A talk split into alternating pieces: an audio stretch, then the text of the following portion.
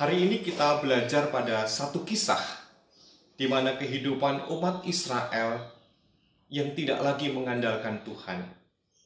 Mereka melupakan Tuhan, melupakan akan kebaikan dan kemurahannya. Mereka lupa kalau mereka boleh menjadi bangsa merdeka, berada di tengah-tengah kebebasan karena rahmat dan anugerah Allah Ketidaksetiaan itu menjadikan mereka dikuasai oleh bangsa asing. Dan Tuhan mengizinkan situasi itu. Di tengah-tengah kenyataan seperti itu ternyata Tuhan tidak tinggal diam. Tuhan memanggil seorang hambanya untuk menjadi hakim. Untuk menjadi penolong bagi umat Israel sendiri. Siapa dia? Dia adalah Gideon. Saudara, bukan perkara mudah. Gideon memimpin bangsa Israel. Ia menghadapi tantangan, ia menghadapi kesulitan yang besar. Bangsa yang berjalan menurut caranya sendiri, bangsa yang bertindak menurut caranya sendiri. Ibu bapak dan saudara-saudara terkasih, banyak orang pandai pada masa sekarang ini.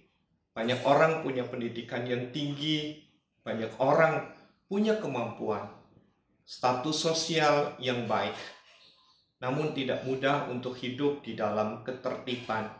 Hidup di tengah-tengah situasi kita menjaga diri.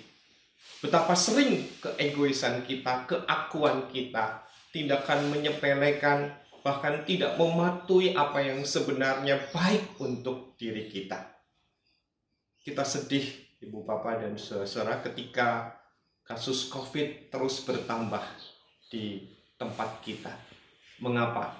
Karena salah satu di antaranya bukan karena kita bodoh, bukan karena kita tidak mengerti, namun karena kita suka menurut cara dan keinginan kita sendiri. Siapa yang dipanggil oleh Tuhan untuk melakukan dan mendatangkan kebaikan? Bukan orang lain, tetapi dari diri kita. Gideon menyediakan diri untuk melayani Allah dengan memimpin umatnya, mengingatkan umatnya, yang juga berarti Gideon menyiapkan dirinya untuk diingatkan oleh Tuhan.